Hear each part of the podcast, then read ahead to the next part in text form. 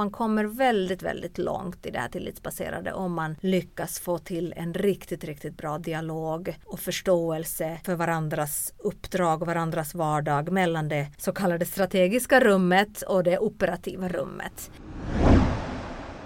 Du lyssnar på Chefspodden med mig Hanna Broberg och idag ska vi prata om chefen och tilliten.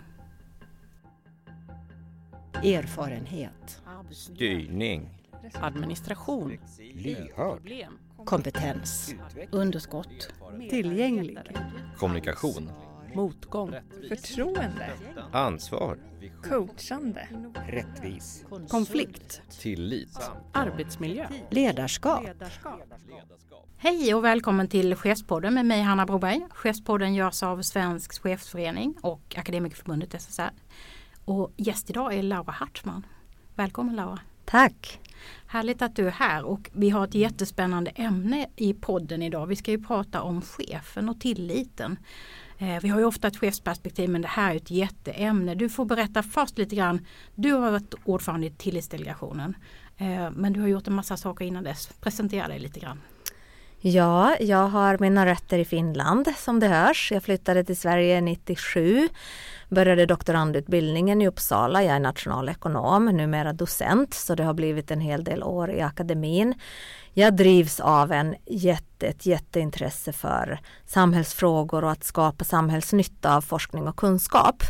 Det brukar jag säga är min mission och det har jag gjort i olika roller. Dels i många år som empirisk, väldigt tillämpad forskare. Jag har forskat om arbetsmarknadsfrågor Eh, välfärdssystemet, socialförsäkring, arbetsmarknadspolitik, sånt väldigt empiriskt. Har olika reformer gett de effekter som de förväntades ge, förbättrar, hur, hur påverkas liksom individens återgång till arbete eller chanser att få ett jobb av att delta i olika åtgärder och så vidare. Så att frågor som verkligen kan liksom resultaten kan användas för klokare beslut, mer kunskapsbaserade beslut i politiken och hos andra beslutsfattare. Så det har jag gjort mycket. Sen har jag under många år också varit chef för olika analys, utrednings, forskningsverksamheter på Statskontoret, på SNS och många år på Försäkringskassan som jag brukar säga var min stora ledarchefsskola och också en, en eh, erfarenhet som gav mig otroligt mycket insikter om hur svårt men viktigt det här med styrning och ledning är. Och sen de senaste, ja det börjar vara tre och ett halvt år så har jag varit mer i en fristående roll där jag dels eh, har en liten, liten del av min fot kvar i akademin också men arbetar som fristående rådgivare, föreläsare i, i de här frågorna som jag nyss eh, tar upp, alltså styrning, ledning, arbetsmarknad, arbetsmiljö. Men sen har jag också ägnat ganska stor del av min tid under tre år nästan att leda tillitsdelegationen som har varit ett regeringsuppdrag. Just det. Då regeringen tryckte på knappen så blev du ordförande för den här tillitsdelegationen. Du får berätta lite kort vad, vad tillitsdelegationen, vad, vad var det? Alla har inte koll på det. För oss är det självklart, vi är jätteengagerade jag också. Precis, nej tillitsdelegationen är en del av det som regeringen har kallat för tillitsreform som härstammar från en insikt eh, som har varit liksom växande under de senaste vad ska jag säga, 6, 7, 8 åren. Att eh, ja, ledning och styrning av offentlig sektor i stort har blivit för detaljerad, för kontrollerande, har helt enkelt skälpt och minskat handlingsutrymmet för professionerna, för medarbetarna för mycket.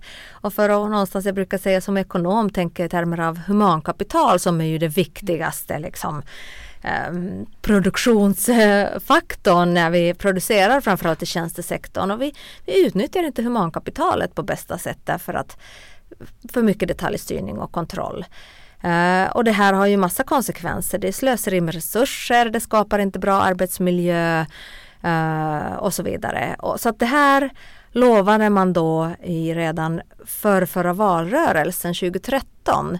Uh, man pratade om att man skulle Man pratade om att proffsen ska vara proffs. Vi behöver ta ett helhetsgrepp mm. om hur styr vi och leder vi egentligen? Där vi behöver titta på den kommunala styrningen av eh, många av de här verksamheterna, framförallt i välfärdssektorn, är ju kommunal angelägenhet. Men tillsammans med den statliga styrningen som påverkar också kommunerna och landsting i högsta grad. Men naturligtvis hela den statliga sektorn, polisen, Försäkringskassan, allt det. Alla de här stora härliga organisationerna som, eh, som, är, som är svåra att styra och där vi också behöver göra ett utvecklingsarbete. Och delegationen utsågs som en viktig motor i det här vågar jag påstå. Alltså delegationen fick i uppdrag att dels fundera och komma fram till förslag hur styrning och ledning bör, bör utvecklas. Och de här förslagen som delegationen har lämnat har ju riktat sig både till regeringen, vad behöver regeringen tänka annorlunda, men också väldigt mycket rekommendationer till kommunsektorn och till organisationerna själva. Um, och sen så har man jobbat väldigt mycket som en plattform, som en dialogskapande, kunskapsskapande, kunskapsutvecklande nod brukar jag säga, där vi har, delegationen har samlat forskare och verksamhetsrepresentanter, politiker, chefer, medarbetare, fackliga, you name it, till uh, seminarier, workshops, samtal för det pågår ju en himla massa spännande utveckling ute i landet redan på olika ställen. Och det behöver vi liksom sprida och, och eh, inspirera, få andra med på tåget. Och då skapat också i alla de här, det här otroligt stora workshoppandet så och med hjälp av med tydligt stöd från forskarsamhället, för det var också liksom direktiven för delegationen att jobba tätt med forskarsamhället, följa ett antal utvecklingsarbete med hjälp av forskare och skapa liksom en en vokabulär, ett språk, ett gemensamt språk för den här utvecklingsinriktningen. Det är mycket det det handlar om för då blir det också lättare för andra att någonstans ansluta sig där man förstår att ja, men ni håller också på med tillitsbaserad styrning och ledning. Så man, har liksom, man, kan, man kan utbyta erfarenheter.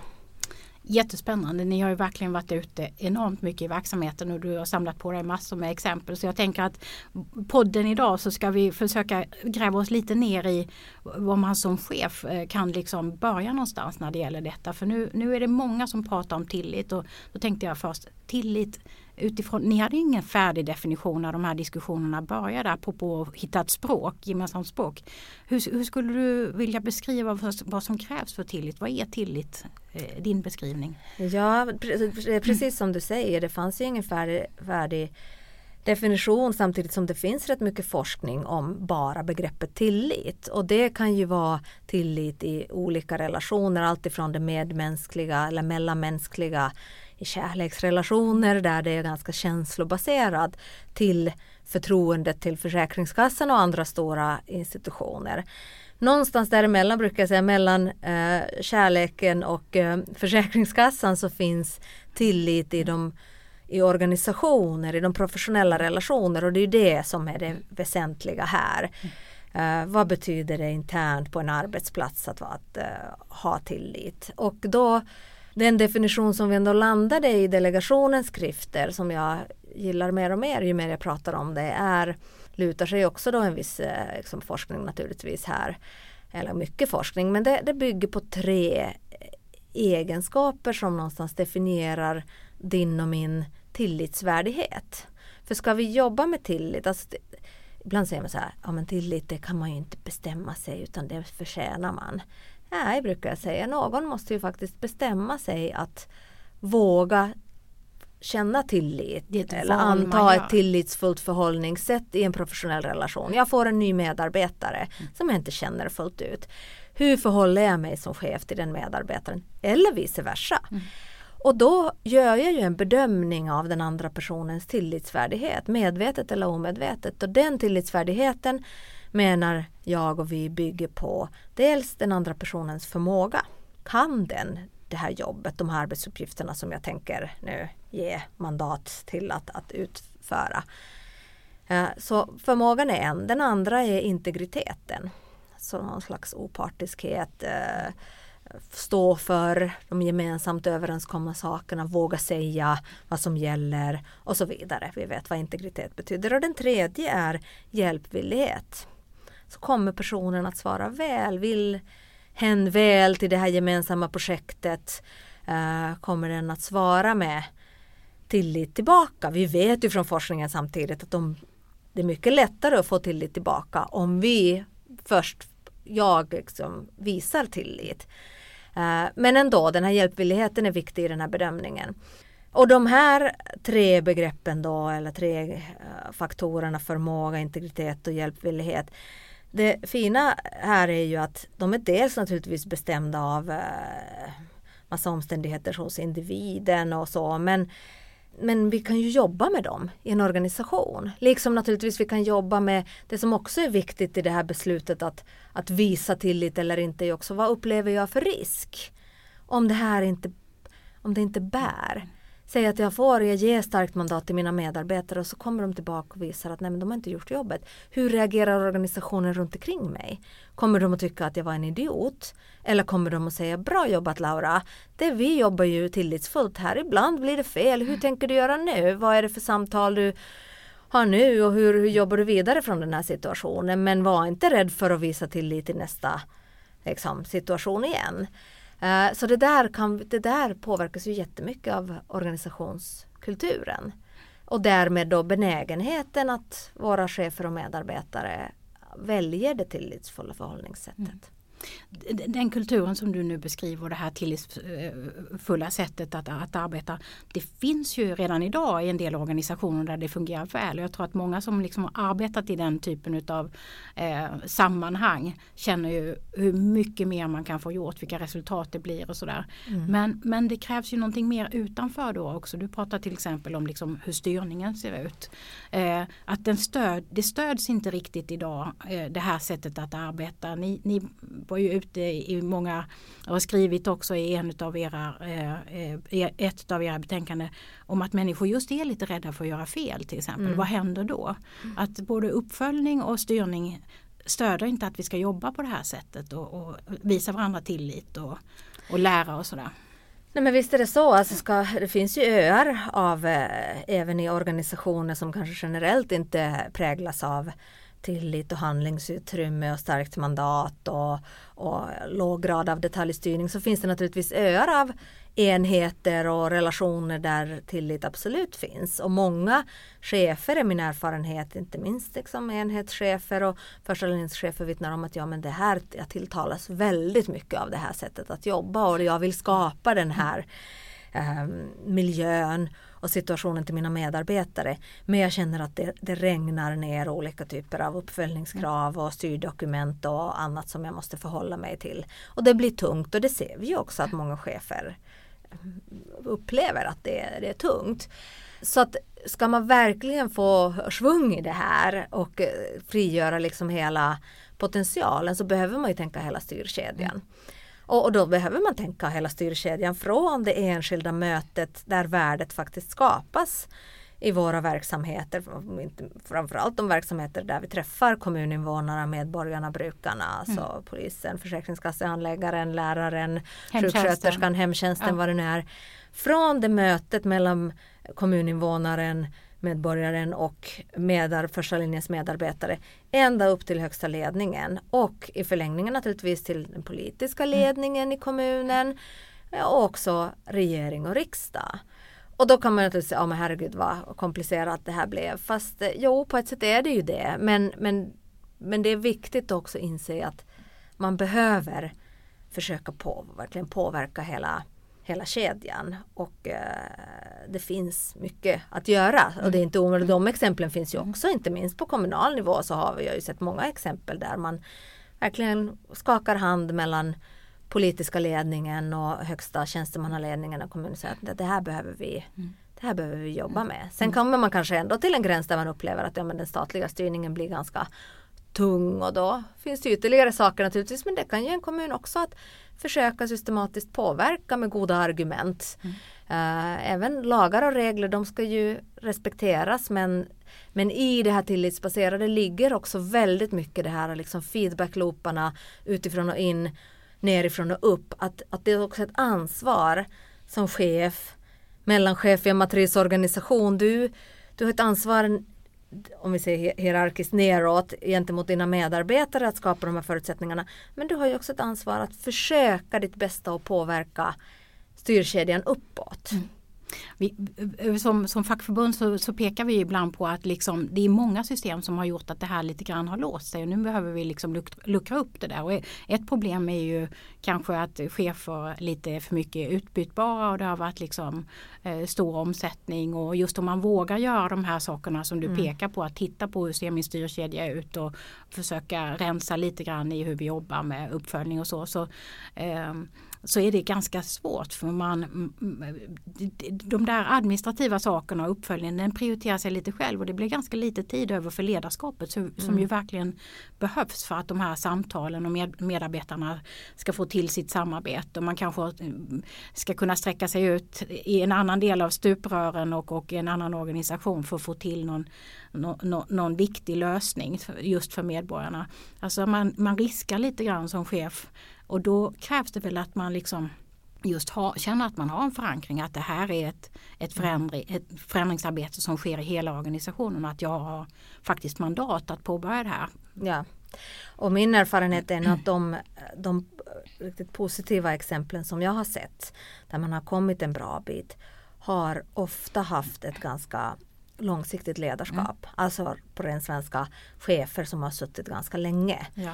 Eh, och också politiska överenskommelser, om vi tar kommunen igen som exempel, att, att man kommer överens att oavsett vem som har den politiska majoriteten här. På vissa ställen har det ju samma majoritet år in och år ut och då är det ju kanske lättare av den anledningen. Men även exempel där man har bytt från höger till vänster eller vice versa så, så har man ändå kommit överens om att ja men vi tillsammans ser värdet av att skapa de här och, och leva upp till de här spelreglerna. Att, och ro, rollerna, vad är politikens roll, vad är tjänstemännens roll och så. Så att man, man tänker långsiktigt och bygger in det. Visst är det viktigt med, alltså högsta chefen är ju viktig här och, och det kan vara en fördel att den sitter länge.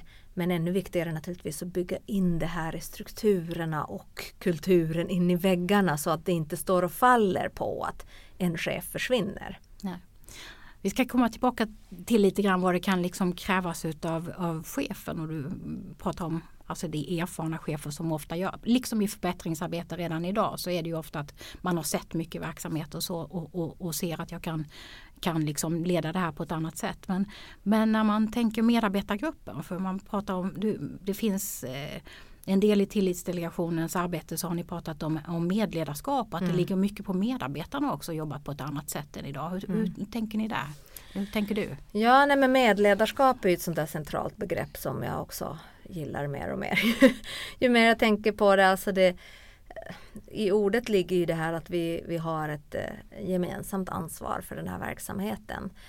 Eh, det viktiga naturligtvis är att, att det här får inte bli någon slags, ja men bara lägga mer och mer ansvar längst ut i leden men inte ge, ge förutsättningar och befogenheter att påverka. Och för att undvika den situationen så brukar jag säga att det viktigaste nästan, man kommer väldigt, väldigt långt i det här tillitsbaserade om man lyckas få till en riktigt, riktigt bra dialog och förståelse eh, med för varandras uppdrag och varandras vardag mellan det så kallade strategiska rummet och det operativa rummet.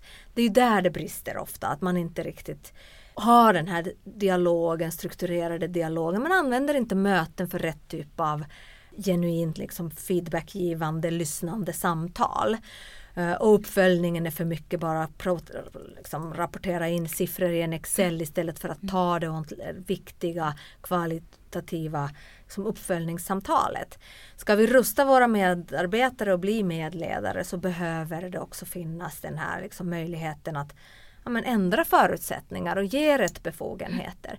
Men man, i organisationer där man in, som inte har präglats mycket av tillit så är det ju många chefer då också som vittnar om att om vi vill gå mer åt det här hållet så kan vi möta kommentarer från våra medarbetare men ska vi göra ditt jobb nu också? Och det är du som får betalt för det här och tala om för mig vad jag ska göra så kan jag gå hem mm. sen. Och det här kommer inte att funka och vad är, nu bjuds vi in här till att ge förbättringsförslag men vi vet ju hur det brukar gå till. Så att det är därför det också är så långsiktigt arbete att man måste ju visa med handling sen att jo men den här gången det. funkar det. Mm. Och ni, alltså någonstans handlar det här om en vuxen-vuxen relation mm. mellan chef och medarbetare. En det är det kanske ibland, även om ingen skulle kanske erkänna det, men någonstans kan det ju präglas mer av en vuxen barn Ja. förhållningssätt. Och det är bådas ansvar. Den här, den här dialogen tror jag ändå många i professionen ser fram emot. Men det är ju någonting annat om man då får chans att berätta eh, hur komplext det man jobbar med är istället för att rapportera på Mm. lite klumpigt formulerade mål och rätt kvantitativt. Mm. Så, och du vet, ibland är det rött, grönt och gult om man har uppfyllt det eller inte. Det är är extremt summerande Mm. av någonting som är ganska svårt egentligen. Så, så det, är liksom, det blir ju ett helt nytt sätt att arbeta med uppföljning också. Ja, Det är inte att vi slutar följa upp, eller hur? Nej absolut inte. Alltså ett sånt där konkret eh, otroligt inspirerande exempel är ju en liten kommun mitt i Småland som heter Gislaved.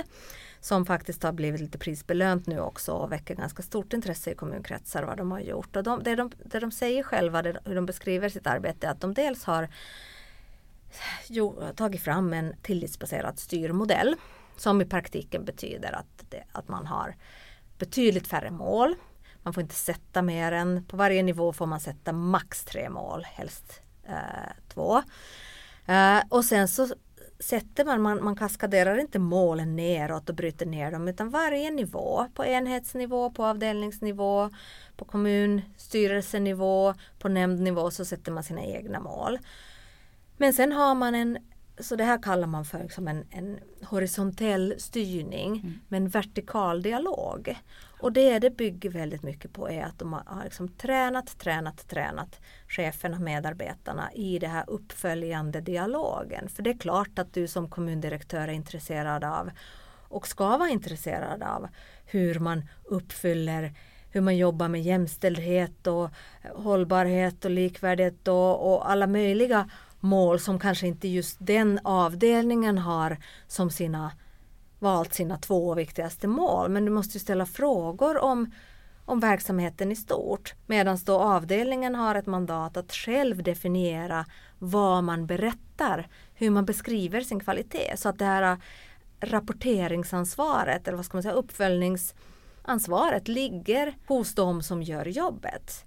Men, och då väljer man vad man vill berätta men om du som chef tycker att men det här beskriver inte tillräckligt mycket hur det går för er, jag behöver mer information, så har du all rätt att ställa de frågorna. Men det behöver liksom inte automatiskt bli siffror som måste fyllas in i en, en Excel eh, ark. Slentrianmässigt följer vi upp, samlar vi in alldeles för mycket. Ja, jag ger kanske inte tillräckligt rätta, jag tror man kan prata mycket längre om det här eh, och de själva kan beskriva det mer men ändå det här ser jag på många andra håll också att det är dit man vill sträva för att ofta upplever ju medarbetande eh, chefer, första linjens chefer att det, vi, det de frågar efter från ekonomiavdelningen eller centralt det är inte det som egentligen beskriver vår kvalitet och vårt arbete och våra resultat. Ja men då ställer vi snarare frågan i den tillitsbaserade världen så ställer vi frågan, ja, men vad tycker ni beskriver eran? Och det är ett ganska stort ansvar att få det, den frågan. Den kanske man aldrig har riktigt ens funderat på för man har mer gnällt på det som vi måste rapportera. Men hur beskriver vi på ett rättvisande sätt hur det går för oss? Och då utifrån hur naturligtvis vad det blir för resultat och effekter i slutändan. Inte bara att vi har haft 17 möten, det är bra det. Ja, men vad har de där mötena gett för effekter för kommuninvånaren eller brukaren och så vidare. Så att här behöver man ju naturligtvis och här behövs också ett stöd centralt så att alla dessa controllers och andra som kanske har haft en liten annan roll i med den top-down styrda NPM-världen ska ju nu bli kunskapspartner för de här enhetscheferna och andra och hjälpa till med sin expertis och, och utforma en bra uppföljning. Så att det, här är ett område, alltså vi ska inte ha sluta och följa upp och mäta saker och ting. Men det kommer att bli ganska annorlunda och, och återigen vi kommer att analysera mycket mer tillsammans. Medarbetarna själva, apropå medledarskap, ska få liksom ett ansvar och också kunna beskriva eh, effekter av vår verksamhet och vad är det vi behöver följa upp. Jag, jag tänker på det, det här ansvaret som ökar då och, och säkert också motivation och drivkrafter hos, hos medarbetarna när de ser att de får just beskriva vad, vad de verkligen gör. då krävs det ju också att organisationen eh, känner sig tillräckligt trygg för att beskriva det som inte fungerar och då kan man ju så att säga efterfråga vad behöver jag för att, att det ska fungera. Så den här dialogen kan ju bli på riktigt då också.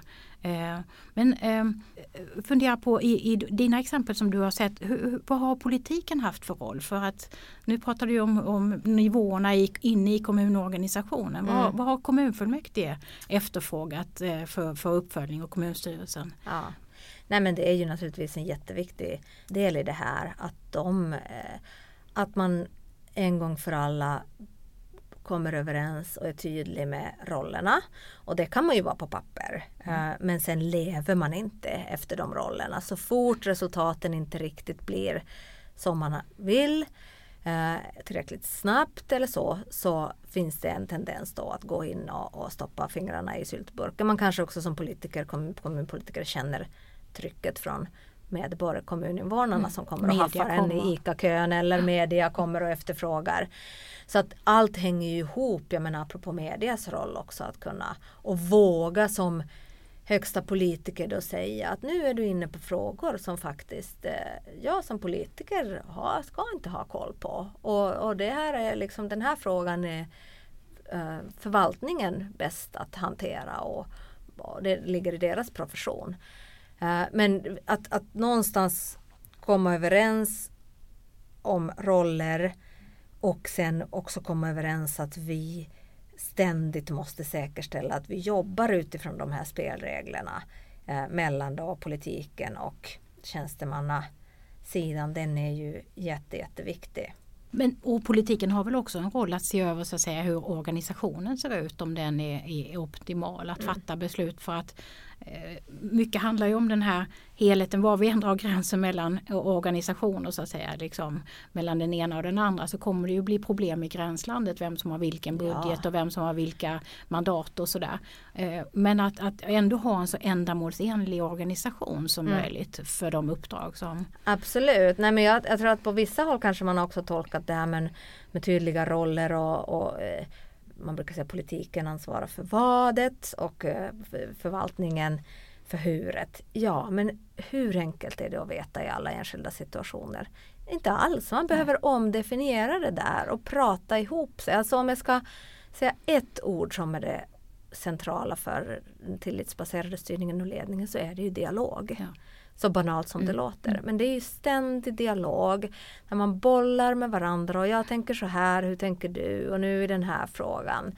Eh, och ger, vågar ge feedback till varandra. Och återigen, ju mer tillit man har i en relation desto lättare är det ju faktiskt att gå in och säga så här, men nu gick du väl ändå över gränsen och så kan man ta det därifrån och fortfarande vara kompisar när ja. man lämnar rummet. Så att det är ju jättemycket till syvende och sist mänskliga relationer och den relationella förmågan och kapaciteten.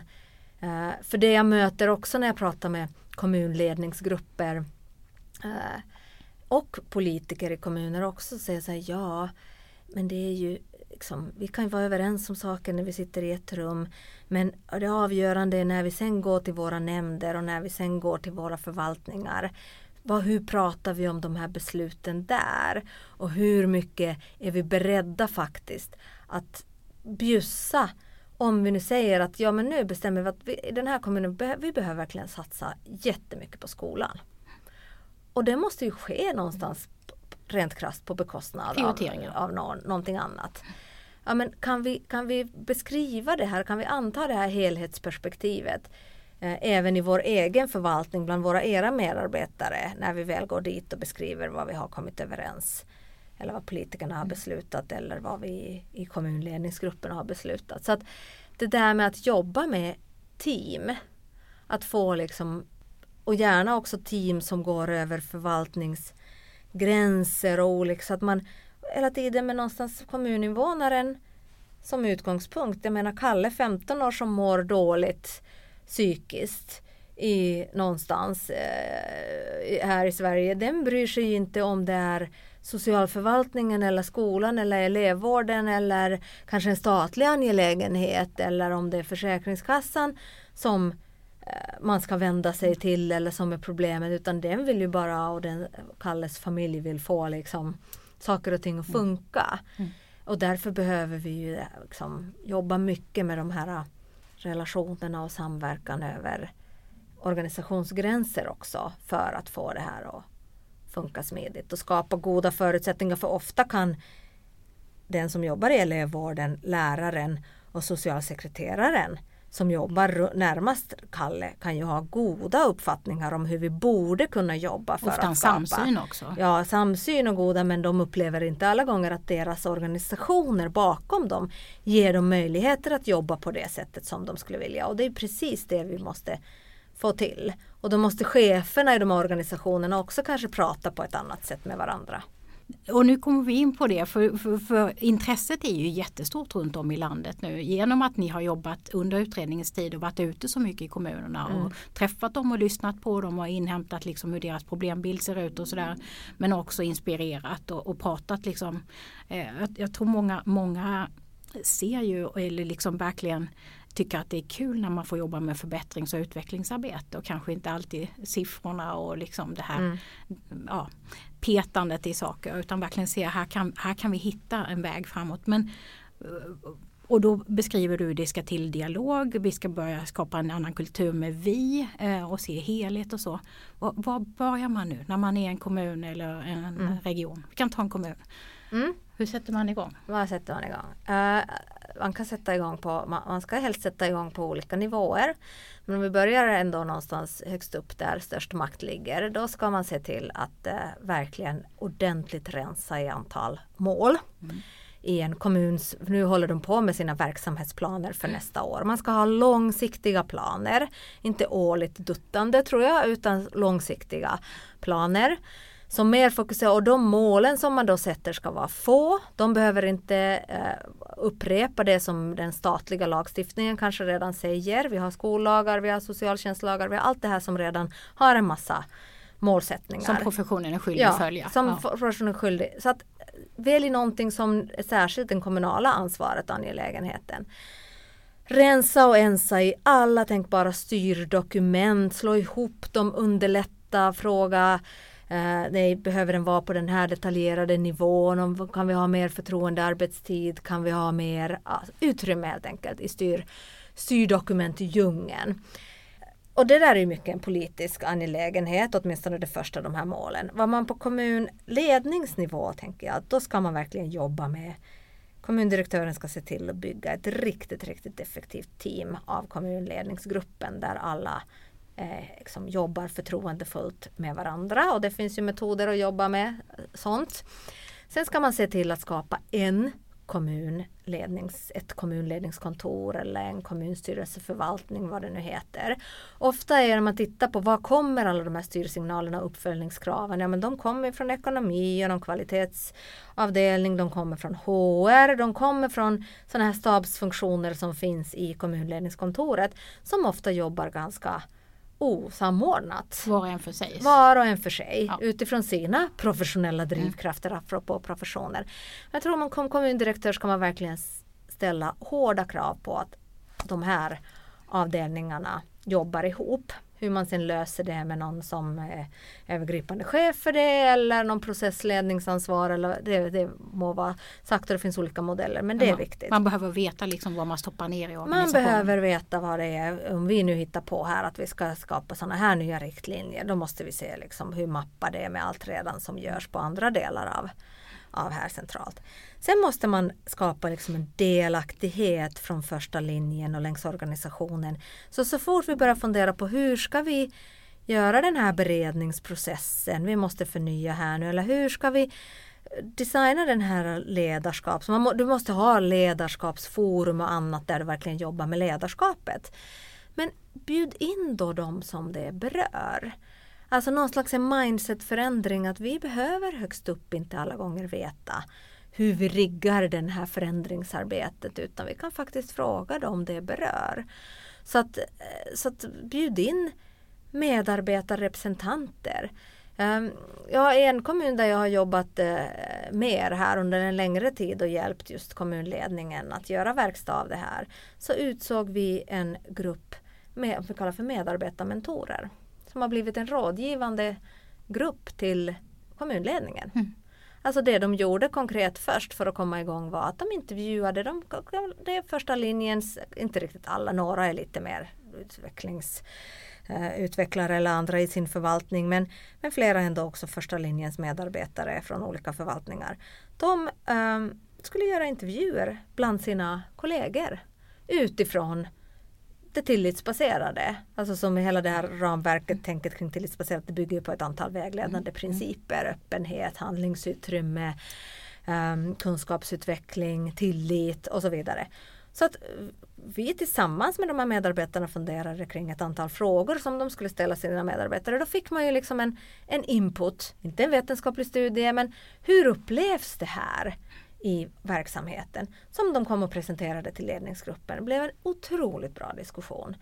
Och därefter har det liksom börjat ta fart. Och vad är vårt uppdrag? Hur kan vi hjälpa? Ja, men vi kan fundera på hur vi kontinuerligt kan mäta progress i det här.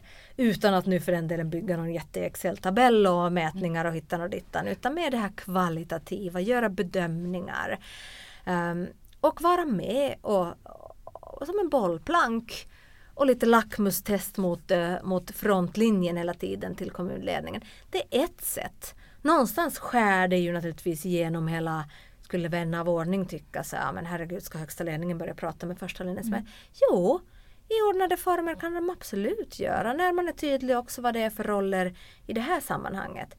Men överlag att, att bjuda in. Ett annat tycker jag härligt exempel just från samma kommun var när vi började fundera och prata med facken. Där, så här, men vi behöver ju rusta alla deras medlemmar, det var ju alla möjliga olika fack, eh, förbund, men överlag medarbetarna i det här medledarskapet. Vad innebär det? Och vi hade bra samtal i kommunövergripande samverkansgrupp och så här. Tills liksom, eh, som tur någon där i gruppen också ins, insåg att nej men vi behöver ju inte veta allt det här. Vad sägs om att vi bara riggar ett stort möte med ombuden i organisationen och ställer i princip den här frågan till dem. Vad behöver ni? Om det är nu det här är riktningen, så här ser liksom det tillitsbaserade tänket ut. Vad behöver ni för att kunna stötta oss i den här resan? Visst är det ganska enkelt? Strålande. Ja. Det återstår att se ja, när det här allt ska ja. göras men, men det är liksom ett annat mindset ja. än vad vi behöver. Och det måste jag säga ändå, som har suttit också som, som ganska hög chef i, i sådana här samverkansgrupper i olika organisationer att ibland finns det också, man har hamnat liksom i ett läge där på ett sätt vill man ju från fackligt håll att, att ledningen ska bjuda in i tidig men sen när ledningen kommer och säger så här, vi, har, vi tänker bara ungefär att vi ska dit men ingen aning hur vägen ser ut. Så kan man också få kritik, ja, men ni har inte gjort ett jobb, ni har inte tänkt. Ge oss ett konkret förslag att ta ställning till. Men jag säger att det här tillitsbaserade är precis det förstnämnda. Vi bara lägger problemet på bordet tillsammans och börjar vända och vrida på det och titta på hur tar vi oss an det här. Mm. Uh, och det kräver ju någonting. Det kräver ju en öppenhet och det kräver en förmåga hos alla parter att faktiskt vid sittande bord, man måste också från fackligt håll ha ett mandat och agera en samtalspartner vid det här mötet utan att man sen i någon krånglig process måste förankra det allting centralt.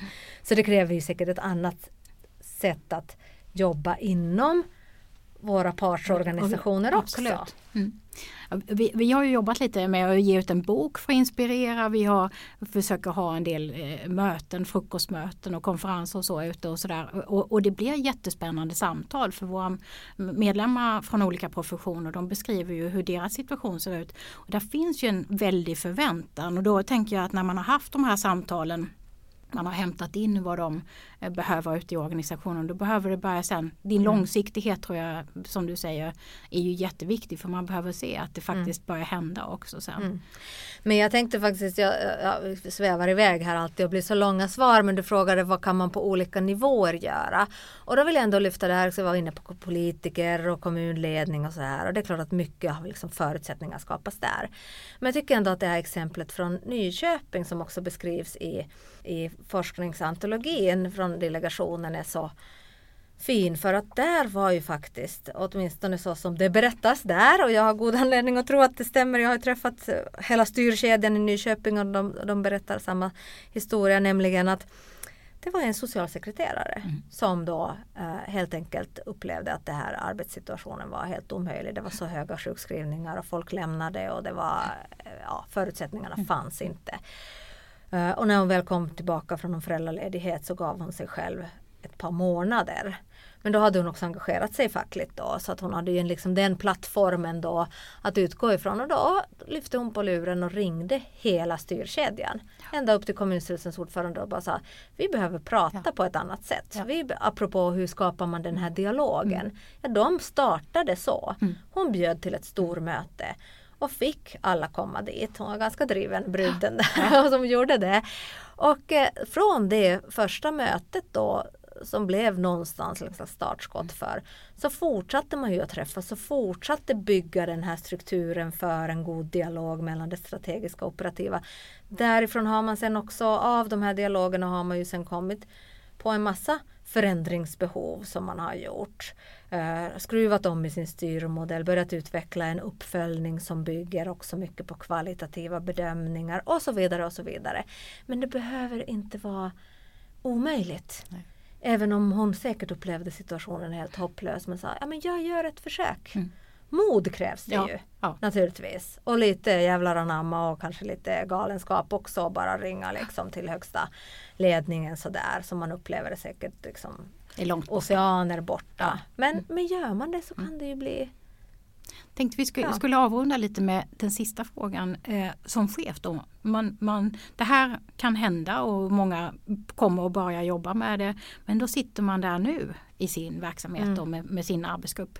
Kan man börja eh, göra tillit liksom eh, på sitt ställe? Gräva Ja. där man står? Absolut, du kan ju jobba en massa med din egen medarbetargrupp. Eh, ni kan, eh, kan rigga dina arbetsplatsträffar, dina medarbetardagar på ett annat sätt. Kanske prova bara att ge dem. Utse några medarbetare som får ansvara helt för de här mötena ett tag. Eh, kliva åt sidan som chef, bara som ett konkret tips.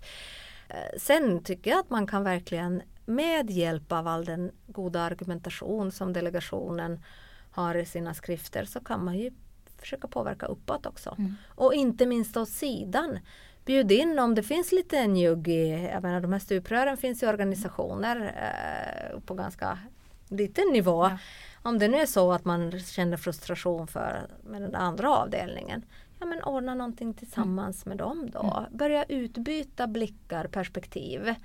Och sen identifiera saker. Lägg det på bordet där på de här mötena. Hur, om vi vill jobba på ett annat sätt, vad behöver vi utveckla? Mm. Och sen se till som chef har du alltid lite, lite större ansvar och makt att påverka. Se till att skicka de här äh, idéerna vidare uppåt i organisationen.